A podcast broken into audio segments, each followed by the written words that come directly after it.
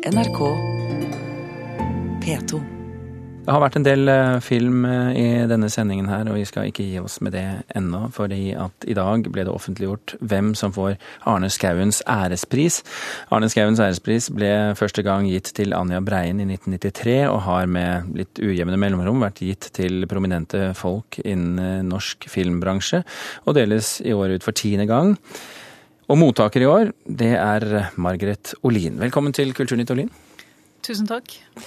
Arne Skauens ærespris er jo en filmpris som deles ut for ekstraordinær innsats eh, for norsk film. Føler du at du har gjort ekstraordinær innsats for norsk film? Det er litt vanskelig for meg å svare på det, men Arne Skauen er jo en kjempe. Um, både med de filmene han laget, men også hans virke rent utover det å være filmskaper. Som forfatter og, uh, og spaltist. At han, uh, han brukte den posisjonen han han hadde, og han var et veldig engasjert menneske som tok opp i seg enkeltmenneskers skjebne og formidla det ut. Så det å bli satt inn i en tradisjon hvor det har gått noen foran, som Arne Skaun, det syns jeg er ærefullt, og er veldig, veldig takknemlig for det. Ser du noen likheter mellom deg og Arne Skauen? Ja, altså vi både filmer og skriver begge to. Jeg tror nok også at um, vi begge, um, han hadde og jeg har, et dypt humanistisk prosjekt. Ingen partipolitisk agenda. Men uh, er opptatt av at Altså, hva er det å ha et humanistisk prosjekt? Det er å tenke at alle mennesker har like stor verdi, og at uh, når det er noe i samtiden så bryter med det, så kan man kjenne på en ansvarsfølelse i forhold til det å, å belyse. Det å bruke filmen eller sin penn til å belyse det. Og det tror jeg nok at vi deler. Du har jo vunnet priser tidligere. Um, Amandaprisen et par-tre ganger. Jurypriser, publikumspriser, og Statuetten, Liv Ullmanns ærespris, Amnesty-prisen sågar. Um, du har til og med vært norsk Oscar-kandidat, har du ikke det? Jo. Um, er, dette noe du venner deg til? Blir du blasert? Nei, blasert blir det ikke, men det er jo klart at uh, venne seg til det. Det er jo litt rart å spørre sånn, men, uh, men ja, jeg har fått noen, noen, priser. Jeg har det, altså. Jeg litt sånn prisgrossisten Olin. Og, og driver og flytter inn i ny leilighet nå, og, og jeg har jo ingen andre pynteting enn en filmpriser. Det er virkelig det er overalt. Men men jeg kjenner jo det at eh, altså fra å få pris fra Sanitetskvinnene, som jeg har fått i år, eller Solarprisen, eh, Amnestys menneskerettighetspris Det å få Arne Skauens ærespris, det er jo en pris jeg får fra mine egne, eh, fra filmbransjen. Og, og, det betyr noe, fordi det betyr at det er ikke selvsagt at Norsk Filminstitutt skal støtte sånne type filmer som jeg gjør, tenker jeg. Og det at bransjen ser at disse filmene de har jo både et bredt nedslagsfelt publikumsmessig, men de klarer også å skape en, en diskusjon, en debatt i offentligheten.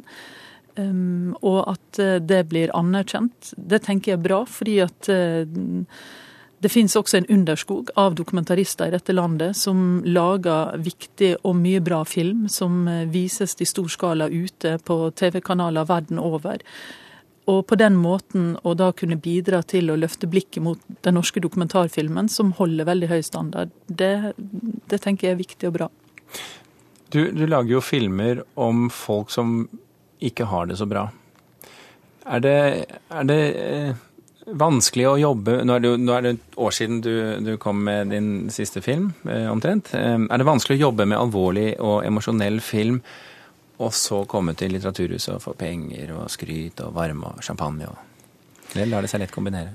Nei, det, det syns jeg er vanskelig eh, i det hele tatt, egentlig. Fordi at eh, livet er mangefasettert, og, og, det skulle man jo kunne ta på strak arm. I hvert fall det siste.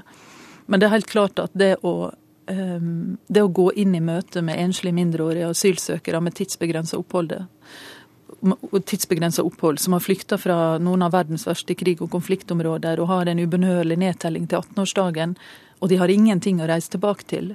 Jeg har møtt ungdom som er dypt traumatisert, en som prøvde å ta livet sitt på 18-årsdagen. Jeg har gått inn i et uh, område av samfunnet vårt som er veldig, veldig alvorlig. Vi fører en politikk som har nådeløse konsekvenser for liv, helse og utvikling for barn. Uh, og det har ikke jeg gjort uten at det har påvirka meg og mitt liv. Eh, det har det gjort i en så stor grad at jeg kjenner nå at det neste jeg skal gjøre, ikke kan være å gå dypere inn i det samme. Jeg er nødt nå et par år å bearbeide det jeg har vært gjennom. Jeg må gjøre noe lettere. Og også fordi at jeg trenger og ønsker å ha plass til å følge disse ungdommene videre.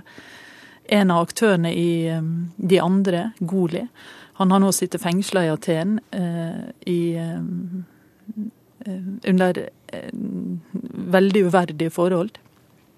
Hvor han ikke har lufta på et år, f.eks. Av den enkle grunn at det er ingen luftegård tilknytta der som han sitter. Eh, det å da ha en mulighet til å kunne snakke med han på telefon, til å kunne sende penger sånn at han kan kjøpe seg telefonkort og mat på søndager, det er noe av det jeg driver med. Det er hyggelig å høre at du gjør det kjempebra, eh, Margrethe Olin. Jeg vet at vi nå har løfta lokket på noe du kunne snakket om i veldig lang tid. Det har vi dessverre ikke tid til her i, i Kulturnytt. Vi er nødt til å sette strek her. Uansett, gratulerer med dagen og gratulerer med prisen.